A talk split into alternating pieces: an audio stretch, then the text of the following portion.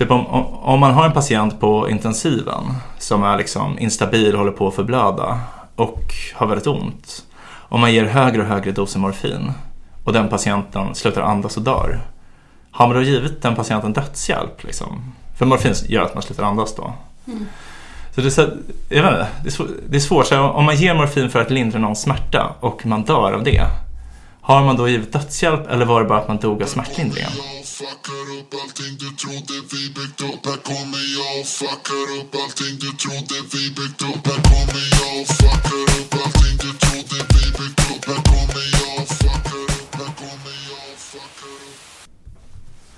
Hej och välkomna till podcasten Om och Men. Där vi reder ut det ni tycker är krångligt och eh, krånglar till det ni trodde var utrett. Eh, jag heter Vincent Link Ja, och jag heter Beatrice Erkers. Ja, vad har hänt sen sist Bea? Eh, jag har ju teasat dig att Mm. det har hänt eh, lustiga saker. Jag har väldigt höga förväntningar kan jag säga. Det, jag tror, eh, jag tror du, det är dags att sänka förväntningarna. Mm. Men eh, det, eh, ja, nej, det har inte hänt så jättemycket spännande. Jag, eh, men jag har ju jag har bott i eh, Hanna Hellqvists lägenhet av en eh, slump. Ja, just det. För jag hyrde den via Airbnb. Och Imponerande. Mm, mm. Och så jag trivs jättebra. Mm. Men jag bodde där, så jag hyrde den tillsammans med mitt ex som sen blev mitt ex under den här tid, tidsperioden när jag Just det. bodde i lägenheten. Eh, Och så när Hanna skulle, skulle komma och hämta tillbaka lägenheten så frågade hon eh, ah, hur har ni haft det? Jag bara ah, nej det är bara jag kvar här nu. Ah. och då sa hon nej. och så här eh, var världens sötaste, finaste människa. Och så här Mm. bara, jag kör upp från Värmland nu, vi tar en fika. Eh, och så pratar vi Wow. om det här. Eh, så i alla fall så kom hon upp och så eh, Ja men det slutade med att vi hängde hela kvällen och jag bodde kvar i lägenheten. Eh, Wow. Och nu har jag extra nycklar. Är det sant? Han sover där ikväll. Ja. Gud vad härligt. Ja, så verkligen så här bara världens finaste människa, typ. Hon låter så trevlig. Ja. Alltså man, ehm, jag tänkte faktiskt på en grej när jag var hemma hos Hanna i i hennes lägenhet då, som du hyrde för tillfället. Ja. Och det var, hon har ju skrivit mycket om att hon är liksom singel och inte har barn. Mm. Och jag tänkte på en grej som tydde på att det inte är många män i hennes lägenhet. Jaha. Och det var att toalettlocket gick inte att lyfta på. Va? Det var liksom, det var så här, alltså så här, inga tjejer fattar kanske the struggle. Nej. Men typ när man lyfter på toalettlocket så är det så här, vissa som har skruvat åt sig hårt så att det bara flippar ner igen direkt. Ah. Så det går liksom inte, så man kan liksom inte kissa. Men, Ja, då, det märkte jag inte. nej, men hon, eh, det var ändå liksom eh, autentiskt tycker jag. Ja. Hon poserar inte bara i sina krönikor. Nej, det gör hon inte. Ja men vad kul då. Så ni är liksom uh, best buds nu. Jag ska hälsa på henne i Värmland i sommar. Wow, coolt. Det, ja, best buds är väl att ta i, men eh, det var ett fint mänskligt möte. Ja, härligt. Mm. Ja, sen har jag varit ute på en ö och jobbat, typ. Eh, Ja. Det har varit, eh, varit väldigt nice. Vad har du gjort sen senast? Um, alltså jag har inte gjort så jättemycket. Men jag var på stand-up i, i lördags. Mm. Och jag såg den här Henrik Nyblom om du vet. Nej? Han är som liksom han ser he- helt bisarr ut för det första. Han har enormt skägg och långt hår. Så han ser ut som att han typ bor i en soptunna. Men han är liksom känd för att han gör eh, improviserade sånger om folk på stan. Han så här följer efter dem med ett sånt här instrument som är typ som ett litet bärbart piano som man också kan blåsa i, som reggaeartister har. Jag vet inte vad det heter. Men i vilket fall. Jag såg honom för jag, jag tyckte att han var jätterolig så, så här YouTube-klipp som cirkulerar på ja, typ Facebook så. Men alltså det höll typ inte. Han hade liksom en helkvällsföreställning på Scalateatern. Mm. Och det var liksom, nej, det höll inte hela vägen. Det var liksom kul ibland men ja. Det var, ja okej.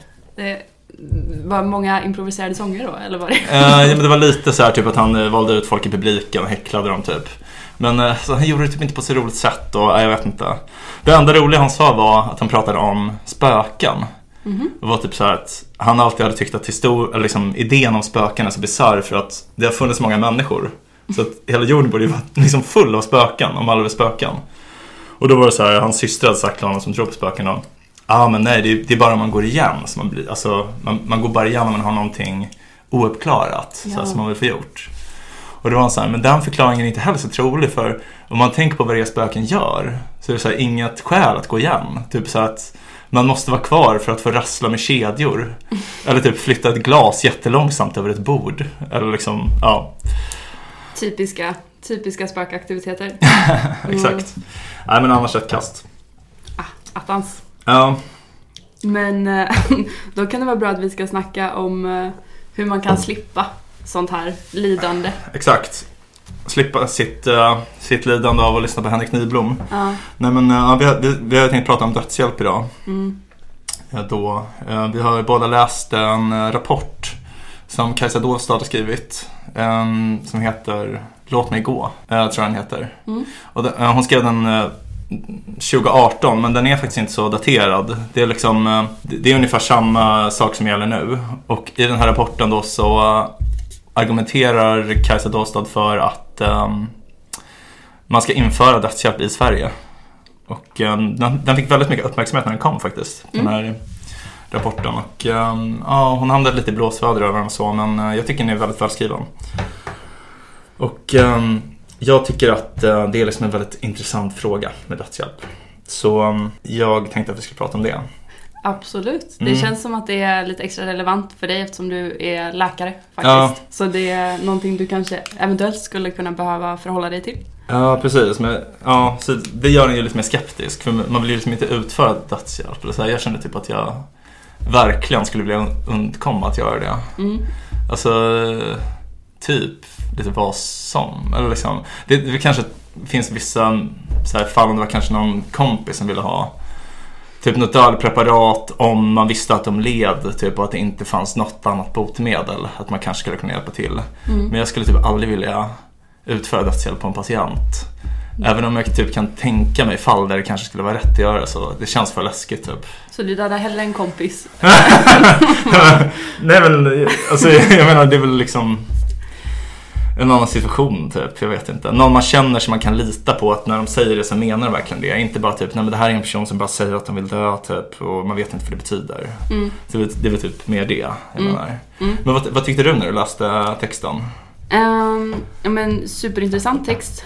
Och eh, det var väldigt bra bara det här med att man går igenom att det finns faktabaserade argument och Ja. det finns värdebaserade argument. Mm.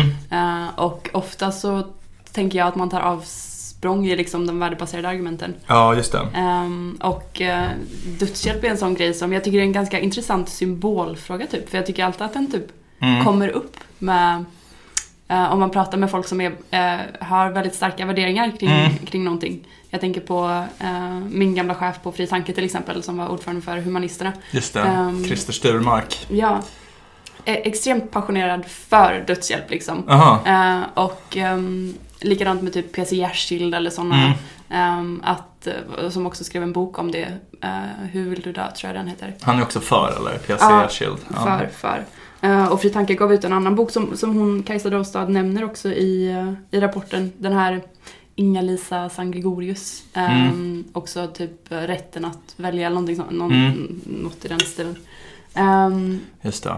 och så det, det är just där, jag tycker det går hand i hand med humanistiska värderingar och eh, att vara för dödshjälp. Mm. Och så har man ju det enda partiet som väl inte ens är villiga att eh, beröra frågan är väl Kristdemokraterna i, i Sverige som jag förstår det. Eh, Mm, alltså det är ju typ inget parti utom MP som vill utreda det seriöst. De vill utreda det ja. Så det är lite svårt men det är ju tveklöst KD som är mest emot. Mm. Så är det ju. För det är ju också just det här att det är, och då är argumentet värdebaserat och att livet är heligt är argumentet Mm. liksom. Ehm, så ja, men det, det känns som en väldigt intressant ståndpunkt. Ehm, och just att så här, då blir det att man inte går in i den faktabaserade debatten ens för man har liksom redan där bestämt sig för att det är Ja. inte värt att ta, eh, ta upp frågan för livet är heligt och det är liksom den första premissen som man utgår från. Ja, det är lite lättare att argumentera om man slipper liksom förhålla sig till evidensläget eller liksom Mm. förhålla sig till empiri. Mm. Om man bara kan liksom föra ett principiellt resonemang.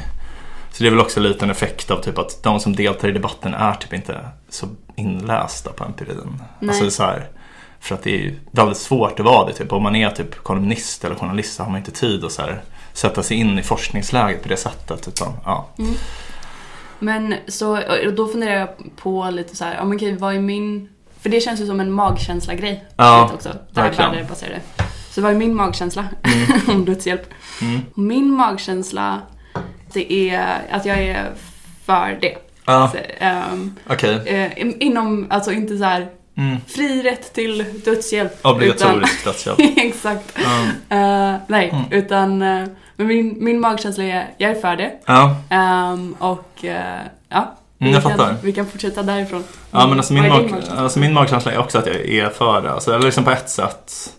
Alltså att jag är för, eller att jag tror att det är så att det ibland är rätt att ge dödshjälp. Det, så tror jag att det är. Mm. Men alltså, det är väl också mycket frågan om så här, vilket typ av samhälle man vill ha. Och det är ju där de här empiriska frågorna spelar in så himla mycket. Alltså att det är typ, om vi har en lagändring som tillåter dödshjälp. Vilka effekter kommer det då få på samhället? Alltså typ som så här, KD säger typ att livet är heligt och sådär. Man ska säga, det är väl kanske inte alla KD som säger heller. Alltså det är väl liksom djupt kristna människor ofta. Det är ju inte, verkligen inte alla kristdemokrater som är det. Eh, och det är väl kanske eh, något som jag inte riktigt förstår vad det betyder på ett sätt men Alltså det är ändå så här, man, alltså folk kan ju begära dödshjälp på fel grunder. Alltså för att anledningen till att jag är för det, det ju att jag själv skulle vilja ha den möjligheten. Mm. Om jag liksom låg och led, hade liksom svår cancersjukdom, jag visste att jag hade typ två veckor kvar att leva och att den här tiden skulle innebära ett stort lidande för mig. Då skulle jag vilja ha möjligheten att välja bort det. Mm. Alltså så här, jag, jag är inte säker på om jag skulle vilja dö, men jag, jag vill åtminstone få välja själv. Här. Ehm, men då är det liksom autonomin som jag tycker är det viktiga, att man ska bestämma över sig själv. Så att om typ folk begär dödshjälp typ, av helt andra skäl, typ för att någon annan vill det, typ för att deras familj vill det eller något. Mm. Om det är jättemånga som gör det, då är det så här, men då kanske det inte ska vara lagligt då. Så typ om den möjligheten finns, då kanske typ folk kommer bli arga på sina gamla sjuka familjemedlemmar för att de inte begär dödshjälp. Mm. Alltså, jag vet inte, så här, det är så himla svårt att veta sånt där, vilka effekter det skulle få. Så, Men, ja. men, men de effekterna har man väl inte sett eh, i länder där man har dödshjälp? Men de, alltså, de hade sett typ att, um, alltså i Oregon, som är en delstat i USA där de har liksom en speciell typ av dödshjälp. Som är liksom att man har rätt att få ett dödligt preparat utskrivet till sig som man själv kan ta. Det är det som är liksom Oregon-modellen motsatt till liksom Holland eller Kanada som har liksom att, man, att det är läkarna som liksom aktivt utför den här handlingen som leder till eh, döden för patienterna. I Oregon då, där har man sett att nästan hälften av alla personer som får det här preparatet anger som åtminstone ett delskäl att deras anhöriga, alltså så här, inte, Ja. inte att deras anhöriga vill, men så här, för att det är bra för deras anhöriga. Ja, för de vill inte belasta sina anhöriga Ja. med att vara en morot liksom. Exakt. Eh, eller grönsak säger man kanske. Ja. En morot är väl att man liksom uppmuntrar någon att göra. Men, men, men, nej men alltså, jag menar, det är inte så här, det vill man ju inte. Man vill ju inte typ gamla sjuka människor ska känna typ att de måste dö för att inte belasta sina anhöriga. Nej, verkligen inte. Så, alltså, ehm, så jag vet inte, alltså det väl typ sådana frågor som typ är de viktigaste för mig på något sätt.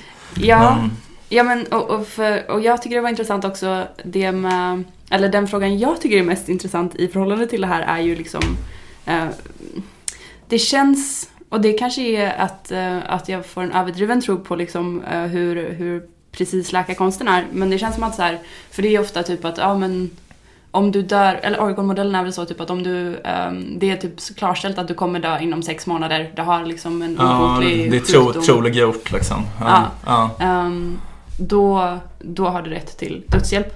Mm. Men, och då är frågan vi pratade, jag tror vi nämnde det när, när vi snackade senast, det här med att eh, om man beviljar dödshjälp utifrån, ja men dels så var det ju, Mm. var det Nederländerna som typ hade, hade godkänt för, för livsleda. Alltså så bara att gamla människor Mm. pallar inte leva längre. Så Ja. inte, inte att de är, eh, de är bara gamla, det är ålder som är deras sjukdom liksom. Ja. Ehm, och sen mental, mental hälsa, att det var någon som hade beviljats um, dödshjälp för, för att de hade liksom mentala problem efter, efter övergrepp och sånt. Mm, PTSD. Mm. Och då, det tycker jag känns som, ja men jäkligt shaky. Och då eh, var min tanke att eh, då är det ju bättre att typ, alltså skriva ut heroin eller Ja. liksom vad Ja, som verkligen. helst. Jag håller med. Ja. Ja, nej, alltså jag tycker, för det är också så här. Alltså jag har jobbat inom psykiatrin och det finns liksom vissa patientgrupper som, så, alltså så de vill bli tvångsvårdade. Alltså de- vill, alltså, eller vill och vill, men det är liksom så här, de handlar mer eller mindre frivilligt på ett sätt som de vet leder till att de blir tvångsvårdade. Mm. För att de liksom... eh, Alltså det, det låter ju liksom hemskt och kallt man säger det, men typ så här, den förklaringen man brukar ge är att de eh, upplever den här känslan av kontrollförlust och liksom ansvarsförlust som inträder när man blir tvångsvårdad. Att någon annan har ansvar för allt man gör. Mm. De upplever det, den känslan som oerhört befriande. Mm. Så det är liksom...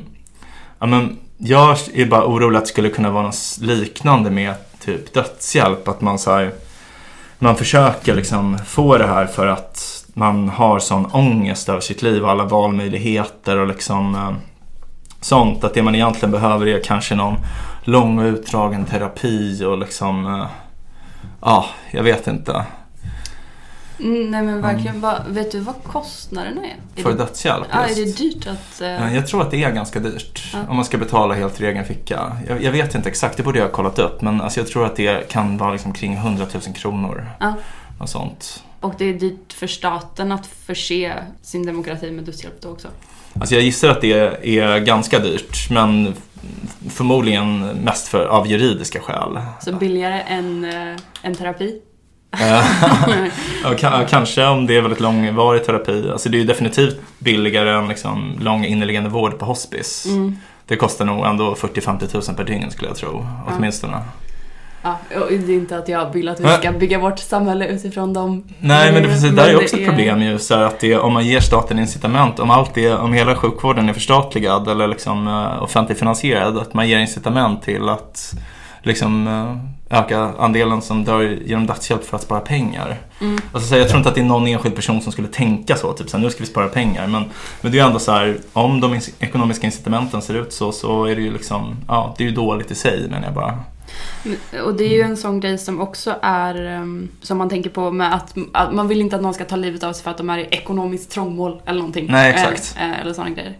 Jag, jag kommer att tänka på, um, jag tror, jag vet inte, det var, det var länge sedan i alla fall, men jag lyssnade på en podd där de pratade om hur man eh, kunde motverka eh, självmord i typ Mm, fattiga Indien. länder. Ja, men Ja, precis här 8000 med- hours Ja, men med precis, det är länge sedan. Ja, precis. Asbra. Eh, det var jätteintressant för därför ju liksom visar, de har gjort forskning på och, och testat på att liksom, man använder mycket bekämpningsmedel Mm. eh, i, på, i de här agrala samhällena. Och då att sätta ett, typ ett hänglås Ja. på, på liksom lådan med, Ja. Med eh, de här medlen. Det förhindrar, gör att liksom självmorden minskar. Mm. För att folk, det blir lite praktiskt svårare. Mm. Alltså om man har, just att det är någonting man gör ofta på impuls, att man tar livet av sig. Mm. Eh, Det är ju svårare att göra på impuls med dödshjälp och sånt såklart. Jo, Eh, Men det är ju ändå en tillgänglig, ett tillgängliggörande av, Ja. eh, av att kunna göra det utan att liksom behöva genomgå någon enorm smärta eller så här, att man får en, en enklare garanti på att det, det går att lösa. Men det är väl hela det slippery slope-argumentet egentligen. Mm. Eh, Att man skulle kunna Just det. sammankoppla där att okej, ökad tillgång till dödshjälp kommer att leda automatiskt till... att- Till att fler genomgår det. Ja, precis. Ja, det tror jag verkligen. Men det var, jag tyckte det var ganska skrämmande siffror också för hon skrev typ hur hög procentandel av alla dödsfall typ. Det var inte 4% i Nederländerna? Ja. Sånt där. ja. Är inte det helt sinnessjukt? Jo. Ja, det hade jag aldrig trott. Jag trodde verkligen att det var så här. nej men vi, det är tre personer om året typ. Mm.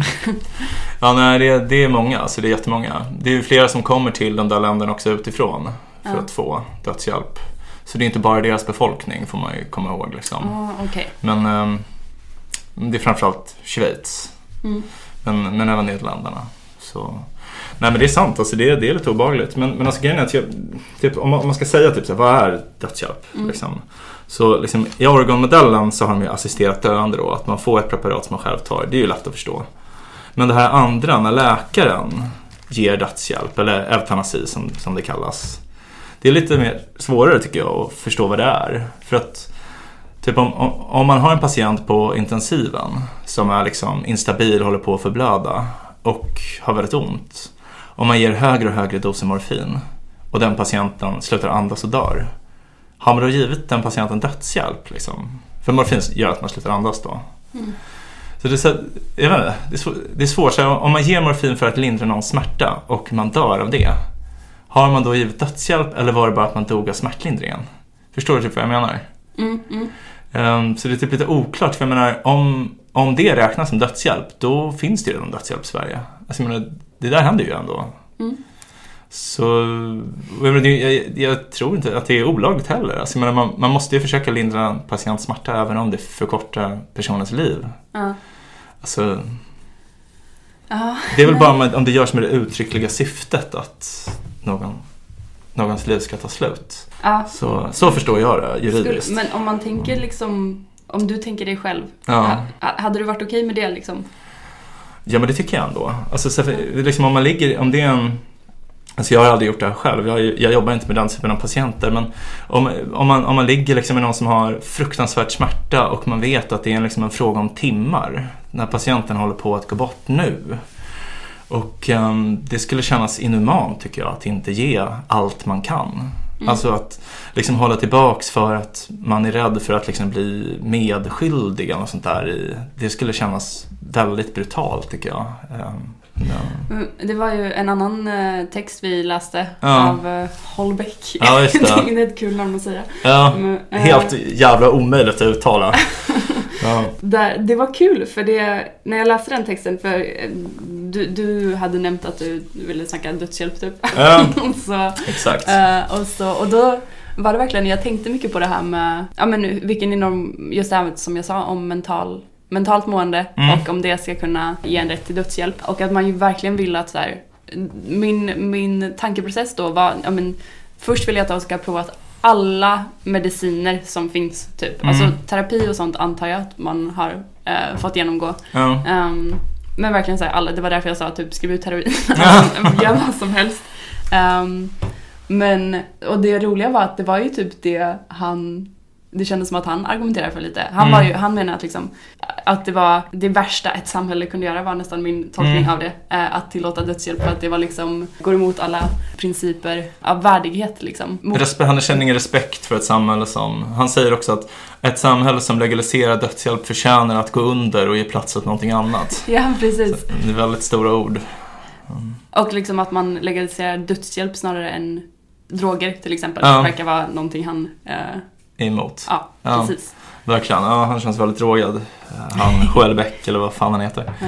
Men, men, ja, men det är en väldigt rolig text. Alltså jag, jag tycker liksom att han... Eh, alltså han, han har lite konstig argumentation. För det han säger är typ så här... Ja, nej, men eh, de flesta av oss eh, föredrar att leva även under det man skulle kunna kalla för ovärdiga förhållanden. Mm.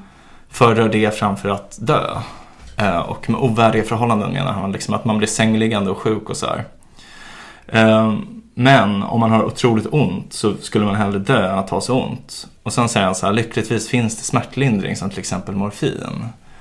Men morfin kan ju inte lindra alla smärtor. Han säger också hypnos, Ja. det förvirrar mig. Ja, det är vä- väldigt mycket sämre smärtlindring av hypnos. Det känns verkligen som snake oil tycker jag. Ja. Men eh, ja, så, så det var liksom, om det skulle vara så att det fanns typ ett preparat som bara löste alla bekymmer, då är det såklart att ingen skulle vara för. Så det är lite så här, ja, jag vet inte. Men jag tycker ändå att det är ganska övertygande text han skriver på något sätt bara för att den är så välskriven. Alltså det, det, man borde ju inte låta sig övertygas av den typen av texter, men jag, jag gör verkligen det. Alltså jag tycker typ att om den är väldigt välskriven, en text är väldigt välskriven, alltså liksom rent estetiskt, så blir jag ofta mer över- övertygad av den. Jag, Ah, jag tyckte nog mer att den var dramatisk än välskriven. Ja. Eller, ja men, Men men, det- den var ju slående, verkligen. Den är väldigt rolig när han säger så här att ett av de vanligaste argumenten för att man ska införa det i Frankrike, då han är ju fransman, eh, det är att man säger så här att nej men vi håller på att eh, hamna på efterkälken. Och så säger han så här, men de enda länderna som skulle vara före oss, de enda de kunde skaka fram är Luxemburg och Belgien.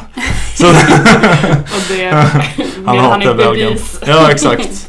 Han hatar Belgien. Alltså jag tror typ alla, jag tror fransmän har liksom en grej för att de hatar belgare. Så här. Uh, belgare hatar nederländare, vet jag i alla fall. Ja, okej. Uh, Alltså det, belgare är väl, det finns väl liksom två olika väl? Det är, ja, flam, eh, flamländska och fransktalande. Ja, Ja. ja, oklart. Vet du varför han hatar belgare? Ja, det är bara att Nej, han... men det är en sån grej. Alltså, jag vet flera franska författare. Jag vet att Baudelaire har skrivit en hel bok om hur mycket han hatar Belgien. Ja, ja. Så det, det, är det är någon sån här grej, typ att de tycker att det är ett jävla skitland. Jag håller faktiskt med lite om jag ska vara ärlig. Jag tycker det är ganska... Alltså Bryssel är coolt för att det är liksom EU-förvaltningen. Mm. Men det är ju ändå så här i sig tråkigt. Ja, ja, ja, jag håller med till, till viss del. De har öl, men det är, ja, de har öl och choklad. Ja, Det är ändå- sant. Ja, men det är, de har ju typ, eh, vad har de? Typ, I alla fall hela Sveriges befolkning, ja, säkert dubbla typ, Mm. På typ samma yta som Dalarna. Eh, Oj, men vadå, är det så? Är de 10 miljoner personer? Det visste inte jag. Jag trodde de var bara några, ett fåtal miljoner. Nej men jag tror de är, okej nu, nu blir jag osäker, men ja, de är i alla fall Du har säkert rätt. många. Coolt. Ja, nej men ehm, jag vet inte. Jag gillar inte de där konstiga Benelux-länderna. De känns så himla oklara och liksom. Jag, jag, jag brukade tro att eh, när folk sa Nederländerna så trodde Mm. jag att man menade Estland, Lettland, Litauen. För jag tänkte att det var Varför länderna då? där, där nere. typ. ja, äh, oklart. Det- Ja, men sig, jag tycker i och för sig om faktiskt Nederländerna. Det, det är ju coolt att de är så ex- extremt liberala liksom. Det känns som en så unik civilisation. Mm. Och också typ, jag tycker det är häftigt att de var så här en jättestor internationell makt. Men typ att de nästan bara bedrev handel. Mm. Alltså det finns ju undantag. Men, men, alltså, men ändå så här, om man jämför med typ brittiska imperiet som bara liksom intog allt med våld. Mm. Att det ändå var här, typ eh, Sumatra var liksom en nederländsk koloni-ish. Mhm. Men det var nästan bara handel de bedrev. Så det finns, finns säkert skräckhistorier därifrån också tror jag. Men, men ändå. Ja, jäklar. Men, men de är i alla fall de som har haft tillåtit dödshjälp längst i Europa, eller för Schweiz kanske? Mm, ja, det är någon av dem. Ja. Jag, jag vet faktiskt inte. Nej. Men eh, exakt. Men det känns som att, ja, det, är ju, det ligger ju väldigt i fatet med liberala värderingar Mm. och att vara för dödshjälp. Ja. Alltså, ja precis. Det, det går liksom lite hand i hand. Mm. Ja, jag håller med. Men alltså, det, det, det finns ju massor av motargument mot dödshjälp som eh, Kajsa Dalstad då går igenom i den här rapporten. Och eh, alltså, vissa är, är liksom sämre än andra. Det är ganska många dåliga motargument. Alltså, typ, ett vanligt argument, framförallt från läkarkåren, är att det skulle skada förtroendet för sjukvården. Ja, Det tycker jag är ett helt bisarrt argument. Alltså jag, jag, det är så jävla CP bara att säga så tycker jag. För det är liksom, alltså de som är för dödshjälp menar ju att det är en rättighet. Alltså människor har rätt att välja över sin sista tid och så hur de ska gå bort. Men man kan ju inte liksom ta ifrån människor deras rättigheter bara för att öka förtroendet för sin arbetsplats. Det är ju helt koko liksom. Och dessutom tror jag inte att det stämmer att det skulle minska förtroendet. Nej, jag förstod inte det alls, eller det kopplade inte i min hjärna liksom, att, eh, hur det skulle minska. För jag tänker, För det är bara för läkare som är så helt delusional typ och tror att så här, ja men hur ska man då kunna veta att eh, man kommer få vård? De kanske bara kommer ge mig dödshjälp. Eller liksom så här galna liksom. för att man slipper jobba då typ. Ja exakt, men det är, så här, det är klart att det inte är ofrivillig dödshjälp. För det är också så här typ, ibland pratar folk om frivillig eutanasi. Alltså det som vi pratar om nu. Ja. Och ofrivillig eutanasi som man tillämpade till exempel under tredje riket i Tyskland. Ah, Men det är ju inte, alltså, så att man, kan inte, man borde inte säga ofrivillig eutanasi. För att det var ju mord. det, det är mord. Det är inte ja. någonting annat, det är ju bara att man dödar människor helt mot deras vilja. Så här. Men, ehm, ja, Men det var ju ett, ett finare ord. ja, väldigt, väldigt oklart. Alltså, de kanske kallade det själva, nazisterna. Men man borde ju liksom inte anamma deras språkbruk, så här, köpa deras världsbild. Ja. Va, det, det är två saker i förhållande till, till det här som jag tycker är väldigt intressant. Jag tror eh, en, en, en sak är bara så här lidande. Typ. Ja. Vad, vad är lidande och hur ska vi förhålla oss till lidande? Ja, Den känns nästan för svår för att öppna nu. Men en Mm. annan är, om vi bara fortsätter på liksom så här, vad moral, vilken moral man ska ha i princip. Ja. För jag vet att, jag tror du och jag har pratat om det här innan, att mm, vi, vi har pratat om du föreslog att det finns en sån grej som objektiv moral till exempel. Eh, och att det är objektivt fel att döda. Och därför, som, som läkare då till exempel, Mm. så skulle du föredra att bara så här. Det är bättre att bara söva ner. Ja, kanske. Alltså jag vill bara säga typ först att här, jag har pluggat filosofi innan och det är liksom när man pratar om objektiv moral så är det liksom att man använder det ordet objektiv bara för att det är liksom en så här teknisk term inom filosofi. Men det är det enda man menar, så man menar inte något så här liksom konstigt övernaturligt. Utan det man menar är bara så här att det är fel typ att tortera barn bara för nöjes skull. Även om ingen skulle tycka att det var fel. Så att säga, även om ingen tyckte att det var fel skulle det ändå vara fel. Så att det är bara det man menar. Man menar inte något så här jättekonstigt. Att det är typ Gud behöver vara inblandad eller något sånt. Utan Mm. man menar bara att vissa saker är fel liksom. Ett förtydligande. Mm. Men ja, nej men alltså det, det finns ju folk alltså, som argumenterar för dödshjälp utifrån olika perspektiv. i, I Sverige så är väl typ den mest kända kanske Torbjörn Tännsjö skulle jag tro. Mm. Som är um, emeriterad professor i praktisk filosofi på SU. Och han är utilitarist, som är så här nyttomoral då att man så här, det som avgör om ens handlingar är rätt eller fel är liksom de konsekvenser som handlingarna får. Och han menar då att anledningen till att man ska legalisera dödshjälp är att det leder till mindre lidande i världen. Alltså att legaliseringen leder till bättre konsekvenser än att man avstår från att legalisera helt enkelt. Mm. Och sen, typ, jag då som tycker att det är liksom lite viktigare med autonomi, tycker då att man ska, eh, jag, jag lutar åt att man borde legalisera det. Eh, även om jag är väldigt osäker. Men jag tycker då att man ska göra det på grund av att det ökar personens autonomi. Att man ska få välja själv över sitt liv då. Men så finns det Alltså det, det finns vissa moralfilosofer då som menar att det är bara alltid fel att döda som du var inne på innan. Mm. Eh, och därför så kanske man har vissa föreslagit då borde avstå från det oavsett. För att man kan uppnå ungefär samma konsekvenser eh, genom att bara söva ner patienter och låta dem dö typ av svält liksom. Fast det är nedsövda så de upplever det inte. Så att det är aldrig man själv som aktivt dödar en patient. Mm. Men man får ändå lidandet att upphöra. Mm. Eh, ja. Ja, men så, så det, hur känner du inför det nu då? Som Alltså jag vet inte, jag skulle ju känna mig mycket mer bekväm med att göra det. att låta dem svälta? Nej men, nej, men att söva någon. Ja. Alltså så här, jag skulle Ja. vara mycket mer bekväm med det. Men alltså grejen är att man får också göra det i Sverige. Eh, så man får söva ner. Men ehm, i nästan samtliga fall i praktiken så är man tvungen att väcka dem. Just det, det Ja. här har du sagt. Ja. Eh, och det tycker jag är så grymt att göra faktiskt. Alltså mot så här, jag vet eh, en, en kollega som, eh, ja, det här är länge sedan, men som, som berättade att eh, hon hade pratat med en väninna till henne som hade en anhörig som gick bort på ett hospice i lungcancer och hostade blod liksom, och hade jätteont och begärde att bli nedsövd. Och då sövde de ner den här anhöriga då, men de var tvungna att väcka patienten, alltså ofta typ så här var fjärde timme och fråga så här, vill du fortfarande vara nedsövd? Så då var liksom den här patienten tvungen att vakna upp och liksom uppleva den här smärtan och ångesten och andnöden igen och sen bli nedsövd. Usch. Så det är liksom, det är inte en bra lösning tycker jag. Nej, det känns väldigt... eh, Man, må, alltså man måste kunna söva liksom resten av livet i så fall tycker jag. ja. Om man, om man nu ska ha en sån policy. Va, men om man tänker typ, om vi säger att vi, ehm, vi, vi säger båda att våra magkänslor och våra Mm. faktaargument känns som att de leder oss till, ja men okej vi borde legalisera. Mm. Men vad tänker man, vad tänker du skulle vara den processen som skulle göra att du, hur, alltså så här, hur känner man sig bekväm med att okej, men det här är övertänkt, det är, Mm. det är rätt beslut? Alltså, nej men alltså jag, jag tycker att man eh, ska gå väldigt långsamt fram med, med sådana här reformer. Och jag tycker inte att man ska börja med att liksom, eh, ja, men, inrätta Nederländernas system där det är liksom väldigt många olika diagnoser som kan uppfylla kriterierna för dödshjälp. Utan jag tycker att man ska börja med att bara ge det till folk som man har goda skäl att tro kommer dö inom en väldigt snar framtid och som redan ligger inne på sjukhus. För att jag tänker att det är de som har det mest skriande behovet och man har liksom långt framskriden cancer och håller på att dö av det inne på sjukhuset. Och då tycker jag att det är två läkare som inte jobbar med varandra, som inte jobbar på samma sjukhus, som ska göra bedömningen. Och med alltså åtminstone en veckas mellanrum tycker jag. Och jag tycker inte att de ska ha möjlighet att diskutera med varandra eller läsa varandras journaler. Det. Um, för det, alltså, ja. Ja.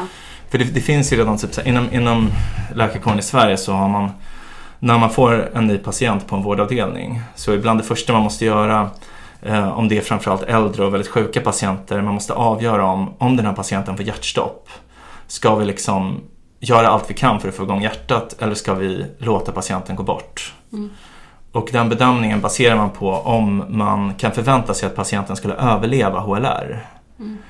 Um, och då måste det också vara två legitimerade, alltså antingen legitimerad läkare eller legitimerad sjuksköterska som gör den bedömningen. Så att det finns ju redan liksom liknande processer igång som man skulle kunna ja, men, basera det här, den här processen på. Så något sånt föreslår jag.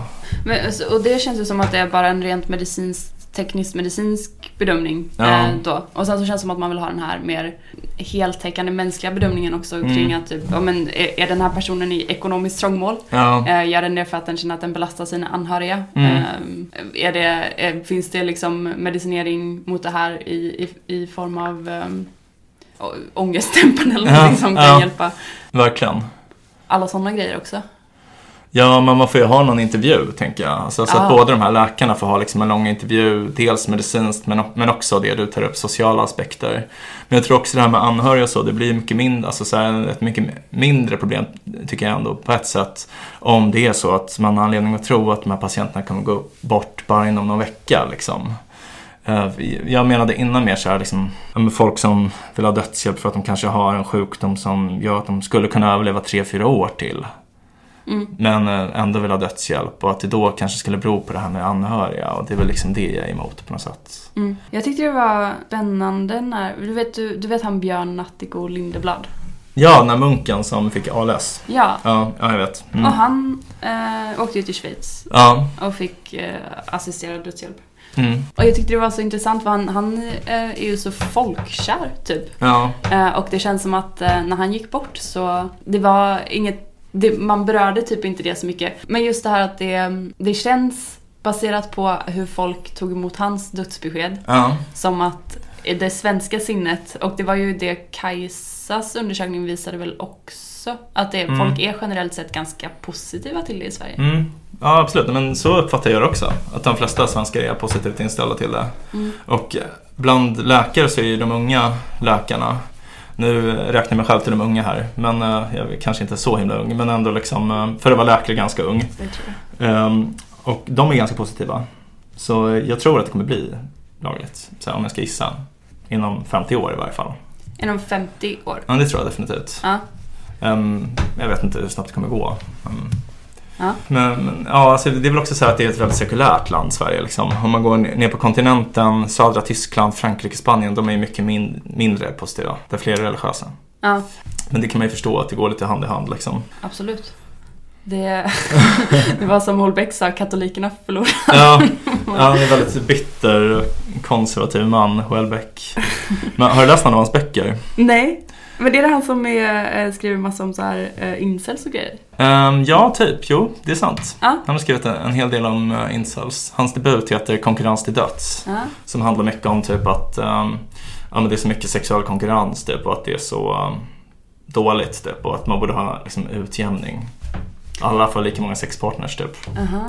Jag, att, eh, jag har träffat folk som, eller jag har vänner i eh, San Francisco som har som, haft som projekt Mm. att ligga med fula. ja, så här, de Ja. menar att det, att det finns så här en Mm. mm. uglyism, eller vad man Ja. säga, som, som rasism fast liksom mot fula. Att det, det är så, man, man förlorar så mycket på att vara oattraktiv. Mm. Undrar om alltså, typ, så att de, här, de här personerna som blir föremål för den här välgörenheten vet om att det är på grund av att de är fula. Jag vet, jag, eh, jag, jag blev också väldigt konfunderad över det. Eh, Mm. Först, för först så hörde jag det eh, inte direkt från the horse's mouth liksom. Mm. Och då förstår jag inte om det var så. Men det verkar som att de faktiskt får veta att, eh, att de är utvalda på de här Ja. kriterierna. De blir bara neggade.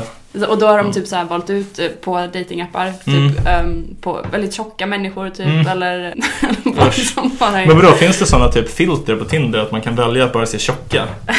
Nej, det tror jag inte. Det kan ju vara en grej. Som om någon som är bra på AI som kan gå igenom alla bilder liksom och bara Mm. ha liksom en BMI. Mm. Bara, det känns som att folk mest skulle använda det andra, åt andra hållet i och för sig. Men... Ja, själv så tycker jag ju, alltså det är ju ett, ett fascinerande eh, projekt men jag eh, känner mig inte så manad personligen. Nej, eh, jag tycker inte heller. Det är en ganska osympatisk sak att säga tycker jag, att man ska göra det. Ja, Det är liksom så här, man kan väl försöka hitta något man tycker är fint snarare och typ fokusera på det. Än att bara, du är ful. eh, Ja. därför Ja, ska jag hjälpa dig här. verkligen. Obehagligt. Ja, nej men ehm, Det var, det, ja, Mm. konkurrens till döds, hur, Mm. hur menade han att vi skulle göra det? jag minns det inte, jag läste den så himla länge sedan. Men han har skrivit, alltså den boken han är mest känd för skulle jag säga Underkastelse.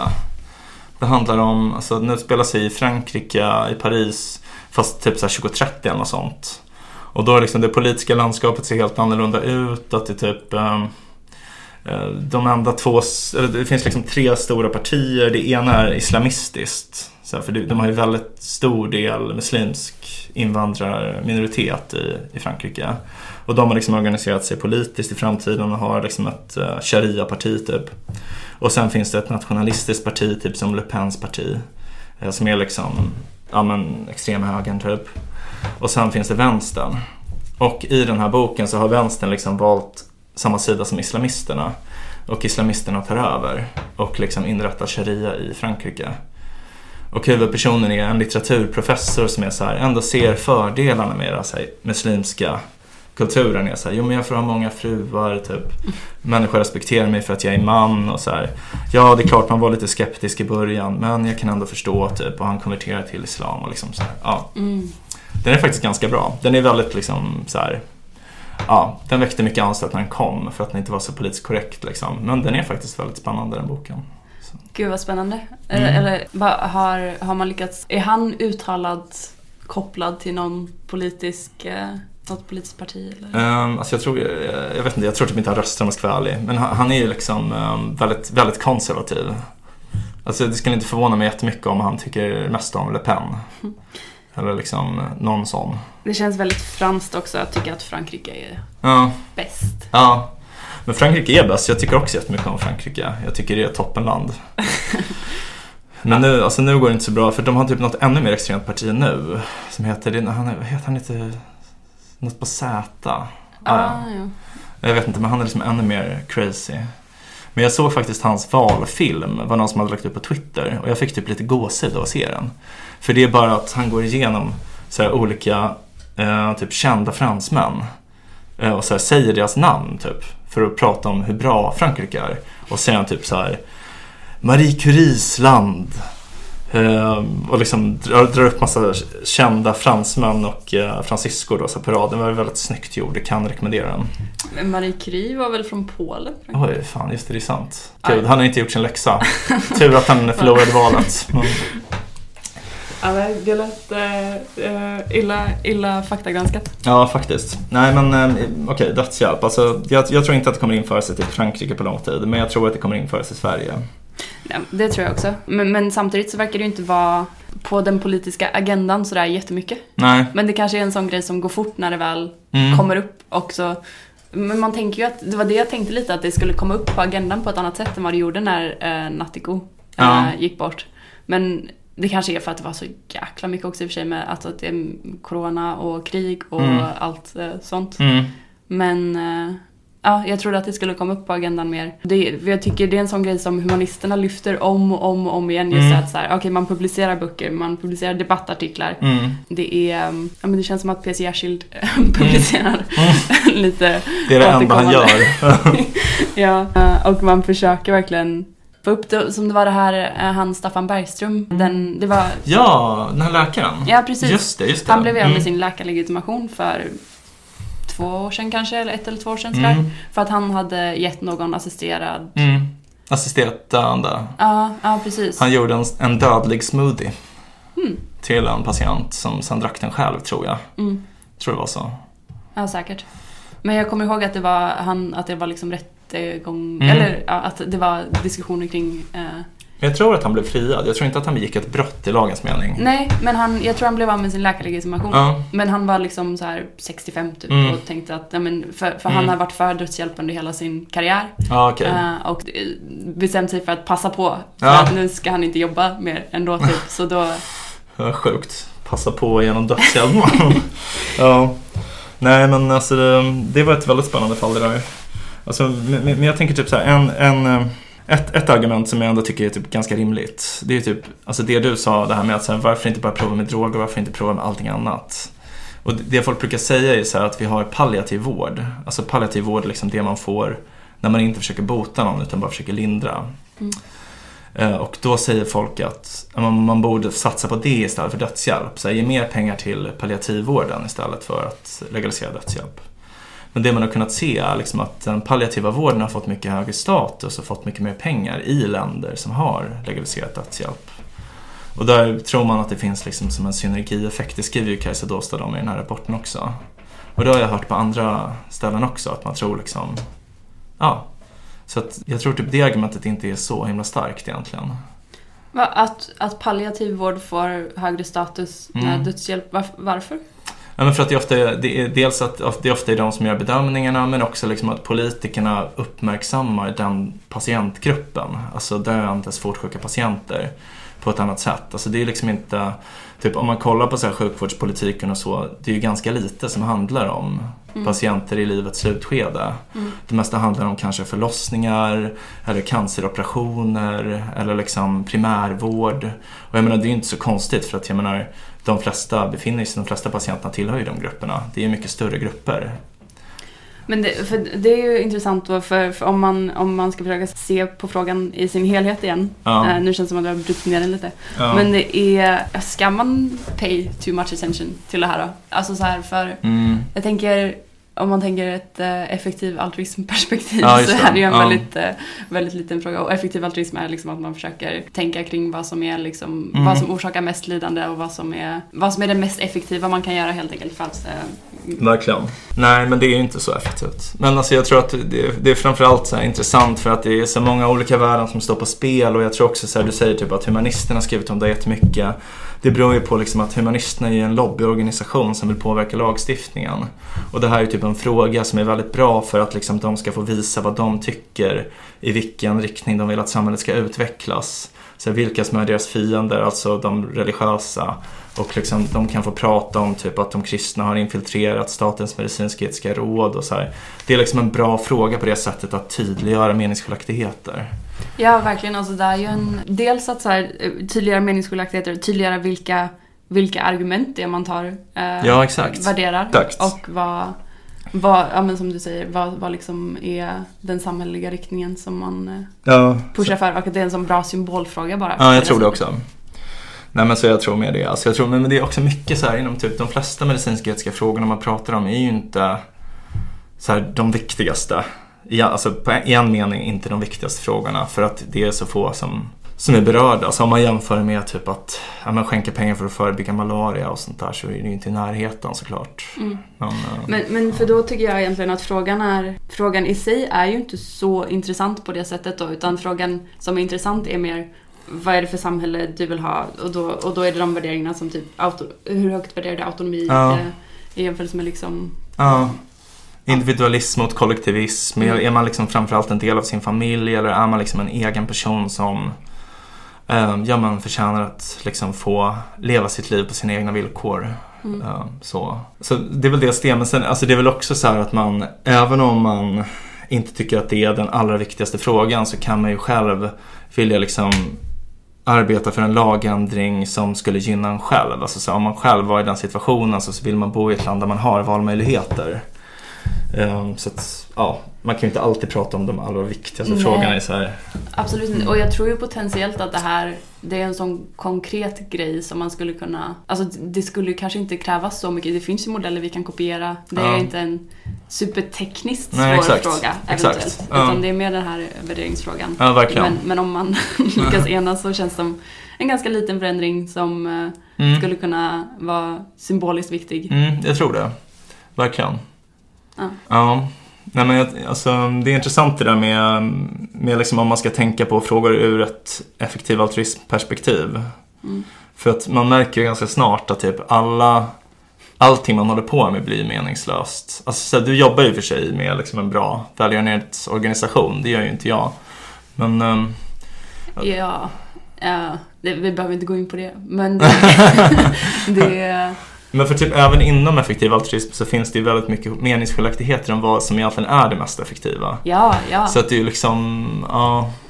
Jag tycker bara det är ett intressant filter att lägga lite på alla frågor typ. Ja. Och och med, med min med organisationen jag jobbar för så är det ju liksom, vi eh, har inte superhög status inom effektiv altruism heller. Inte? Vi, nej, men för att vi är lite för high risk, high reward. Det är ganska svårt att mäta. Ja, just det. Ja. Mm. Ehm, Och det tycker de inte om, nördarna. nej, lite för, lite för omätbart. Ja. Ehm, Vi kanske ska säga det också att vi är med i effektiv altruism. Att vi är engagerade. engagerade. ja. Alltså, det, det, vi, jag har nog inte sagt det. Men eh, det är så B och jag känner varandra från början. Har vi berättat det? Nej, jag vet inte. Nej, eh, nej men att vi startade en, en lokalförening i Uppsala när vi pluggade. eh, Där vi diskuterade effektiv altruism som är en, en global rörelse som går ut på ja, men att förbättra världen på ett evidensbaserat sätt egentligen. Mm. Eller? Ja, ja. Ja. och att det är liksom både så här, typ en filosofi eh, Ja. på många sätt och ett forskningsfält. Exakt. Eh, Där man försöker forska på, okej men vilken intervention här kan rädda mest liv? Ja. Eh, Är det malarianät eller är det... Är det dödshjälp? Ja, men det är om man lägger på ett utilitaristiskt perspektiv och försöker räkna i någon sorts så här, Ja, eh, suffering adjusted life year ja just kanske. det. Det kanske är, man får negativa ja. Ja, alltså, Ja. ja. Så, ja men kanske, kanske. Det, det argumentet skulle vi kunna hårdra också tänker jag. Ja. Nej men det finns ju, alltså, det finns ju folk som eh, tar det väldigt långt och typ bara eh, liksom, eh, lever så här riktiga skitliv för att donera alla sina pengar eller typ bara ägna sig åt ett arbete som är jätteeffektivt trots att man inte får något betalt. Mm, Men eh, jag skulle säga att det är så ganska ovanligt att folk tänker så i sitt eget liv. mm, Eh, att man alltid ska göra det mest effektiva. Det är väl mer typ att det kan vara väldigt bra, som du säger, att bara typ applicera det tankesättet. Att man inte måste följa det slaviskt. Nej, gud nej. Det är då Ja. det blir... eh, Då blir man Det är då galen. det blir också en sekt, tänker jag. Om Ja. det är så här, om du ska vara med så behöver du donera din njure. Ja, Eh, just det. Ja, Fan, det borde vi prata om någon annan gång. ja gud ja. Donera njurar. Det är Ja. väldigt intressant faktiskt. ja. En annan grej vi inte har uh, hunnit snacka om, men som också Mm. är intressant i förhållande till det här, är ju abort, typ. Mm, hur menar du? Uh, nej, men just att det är läkaretikgrejen Ja, också. ja. Att det är... Absolut. Som det är nu så är det ju inte ett val en, eh, en sjukvårdare kan göra om de vill utföra abort eller inte, som jag förstår det i Nej. Sverige. Eh, Eller så man kan ju, man är, blir potentiellt av med jobbet. Ja. Men Ja. man är ju inte liksom, du, ja, de nej. kommer ju inte liksom tvinga en. men, men absolut, man har ju liksom rätt att kräva abort. Ja, precis. Men eh, som jag har förstått det så till exempel om man pratar dödshjälp så menar man att, det är, att man kan ha ett system där läkare kan signa upp sig på att Mm. skaffa ett certifikat typ. För, Ja. eh, där man väljer aktivt som- som läkare om man vill hjälpa till att Ja. utföra den här tjänsten. Ja, exakt. Nej, men alltså, det, det är intressant. Typ. Under abortdebatten så var det ju, jag vet inte om du minns, men det var ju någon sköterska som vägrade. Ja, och sen Mm. hävdade hon att man har samvetsfrihet. För man har det enligt, jag tror det är typ Europakonventionen och sånt där, så har man egentligen samvetsfrihet som innebär då att man, om man av moraliska skäl inte vill utföra någonting i sitt arbete så kan arbetsgivaren inte tvinga en att göra det. Men eh, hon förlorade ju det här då. Eh, alltså hon förlorade det här målet. Och folk tyckte det var så konstigt att hon hävdade den här rätten till samvetsfrihet. För man var såhär, nej men det är klart man måste kunna utföra arbetsuppgifterna. Men, men grejen är att det är, man har samvetsfrihet i typ alla andra frågor. Det är bara abort och sterilisering man inte har det i. Så det är de enda två sakerna man kan kräva av sjukvården. Jaha, så man kan kräva sterilisering också? Ja, Jaha. man kan kräva att få sterilisera sig. Ja. Men, men annars så finns det ingenting annat. Så det, är- det är inte så orimligt att hon trodde att det var så tycker jag. Nej, Men, nej. eh, nej men lustigt, det, man får inte röra det ämnet. Eller det i... Nej, eh, alltså vi har väldigt liberala abort. Men alltså det är samtidigt inte i och för sig, för att det är ju en gräns vid, det är det 18 veckor tror jag. Ja, Och sen är det 22 veckor efter enskild prövning. mm, Tror jag. jag tror Ja. det. Ja. Eh, Det väl typ Socialstyrelsen som gör någon slags prövning, Ja. deras etiska råd. Ja. Ja. Så det är ju inte fri abort egentligen, det är ju liksom tidsbegränsad. Ja. Ja. ja, men det är ett ämne för ett annat program kanske. Ja, nej, men jag vet inte, känns det som att vi har rätt ut den här frågan om dödshjälp? Fast jag skulle kanske säga inte egentligen, men vi kanske har krånglat till den lite. Jag hoppas att vi har krånglat till det. Ja, Eh, som alltid eh, empiriska svårigheter. Alltså, jag tycker det är många liksom, etiska frågor som är så att man är så här, man, man förstår principerna men man vet för lite om vad som leder till vad för att säga sig helt klart om man är för eller emot en lagändring. Ja, alltså, men det, Ja. det är det jag tycker alltid det slutar i när man ska prata om någonting. Så här, Mm. Ah, nej, jag vet inte vad det Nej, är. exakt. Men det kanske bara att man är feg och dålig. Typ. Man, man kanske borde vara lite mer vågad och bara vi ska ändra hela Ja. lagboken, bränn upp den, skriv en ny. Men det är kanske dåligt också på sina sätt, vad vet jag. Vi skriver Beas och Vincents uh, Exakt. B.S. och Vincents lagbok. rikes lag. ja. Exakt, tjänar allmänheten. Ja. Ja, men um, gott snack hörru. ja, då, då säger vi så helt enkelt. Och Mm. så bestämmer vi att nästa vecka ska vi snacka om något. Helt sjukt, absolut. Fuckar upp allting du trodde vi byggt upp. Här kommer jag